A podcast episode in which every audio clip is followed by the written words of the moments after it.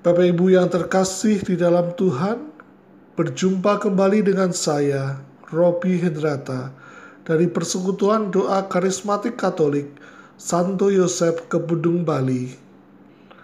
Hari ini kita akan bersama-sama merenungkan Injil dari Lukas bab 14 ayat 1 dilanjutkan ayat 7 sampai dengan 11. Bapak Ibu yang terkasih dalam Tuhan, manusia modern saat ini dipacu oleh keadaan dan sistem kehidupan di dunia untuk selalu berkompetisi. Semua dipacu untuk terus berkompetisi. Semua dipacu untuk menjadi seorang pribadi yang juara, pemenang, terhebat, tersukses, terkaya, dan sebagainya. Celakanya, tanpa disadari, kebiasaan ini merasuki orang-orang beriman kepada Kristus di dalam hidup menggereja.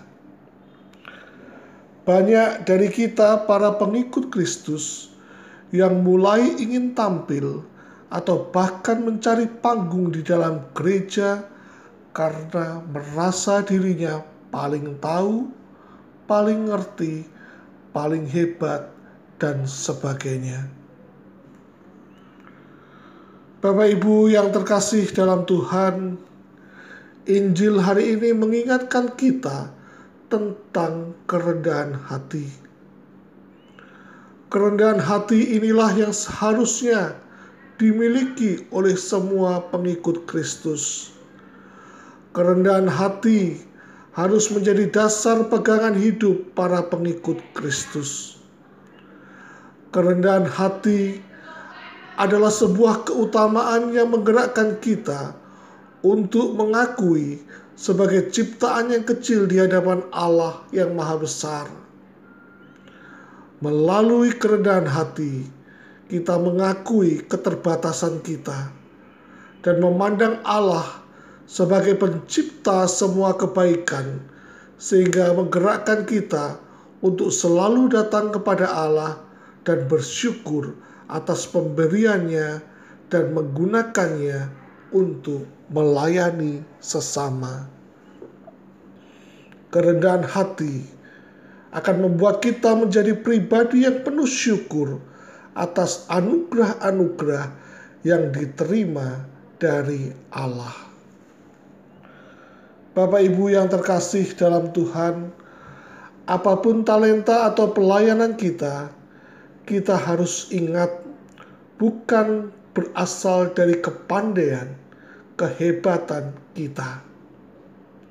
Semua yang kita miliki hari ini, baik itu kepandaian, kekayaan, kesuksesan, dan sebagainya, semua karena anugerah Tuhan kepada kita maka kita perlu menyadari dan mengingat semua yang kita miliki berasal dari Tuhan dan kita hanya dititipi untuk menjadi saluran berkat buat sesama kita. Maka kita tidak boleh menjadi pribadi yang sombong dan sebagainya. Bapak Ibu yang terkasih dalam Tuhan, mari kita mulai hari ini memohon rahmat kerendahan hati, agar dengan memiliki rahmat kerendahan hati ini, kita bisa mawas diri. Kita bisa menyadari bahwa semua yang ada pada kita hanyalah berasal dari Tuhan dan hanyalah sebuah titipan dari Tuhan sendiri. Kerendahan hati akan membawa kita semakin dekat dengan Allah bukan malah menjauhkan kita dengan Allah. Kerendahan hati saat ini harus kita sebarkan dan bagikan.